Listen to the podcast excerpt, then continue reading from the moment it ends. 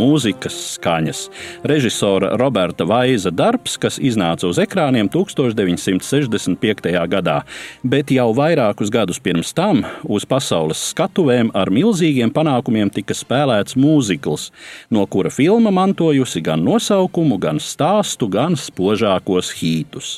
Ričarda Rodžersa komponētais mūzikls ar Hovārda Lindseja un Rasela Krauza libretu un Oskara Hammersteina otrā dziesmu tekstiem savu pirmizrādi Lanta Fontēnas teātrī Brodvejā piedzīvoja 1959. gada 16. novembrī.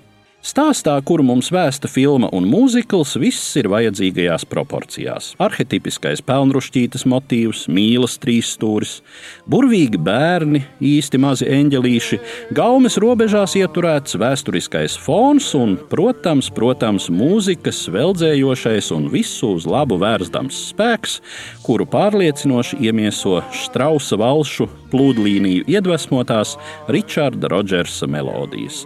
Pirmām kārtām jau šī leģendārais ēdelvejs.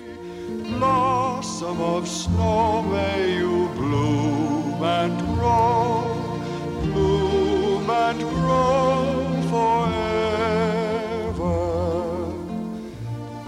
Edelweiss, Edelweiss, bless my homeland forever.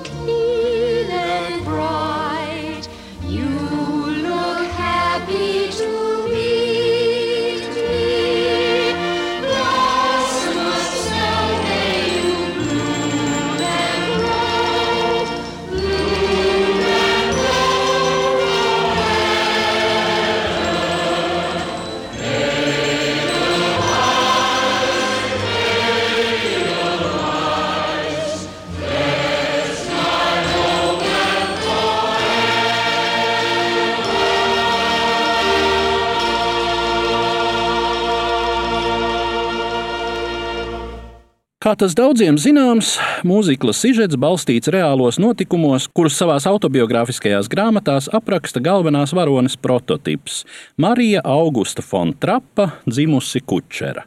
Viņas vīrs, Austro-Ungārijas flotes virsnieks Georgs Fontraps, Pirmajā pasaules karā komandējis zemūdeni un par kaujas nopelniem saņēmis nevien vairākus apbalvojumus, bet arī muiznieka titulu ar tiesībām lietot aristokrātisko fonu pirms sava uzvārda. Fontrapa pirmā sieva patiešām mirusi, atstādama viņu atraitņos ar septiņiem bērniem, un viņš patiešām apprecējis savas meitas mājskolotāju, jau minēto Mariju. Visumā īstenībai atbilst arī Fontrapa attiecības ar nacistiem. Viņš nav bijis sajūsmā par Austrijas anšlusu, tāpēc ģimene 1938. gadā emigrējusi no dzimtenes, apmetoties Savienotajās valstīs. Protams, atsevišķas stāsta detaļas ir atšķirīgas. Pirmkārt, jau Mariju Fontraps sastop un aprec jau 20. gados, un otrajā laulībā viņam dzimst vēl trīs bērni, tā ka izceļošanas brīdī trapu ģimenē ir jau desmit atvases, nevis septiņas kā filmā. Izbraukšana no dzimtenes, kas uz skatuves un ekrāna ir dramatiskās spriedzes kulminācija, patiesībā nav bijusi ne tuvu tik dramatiska.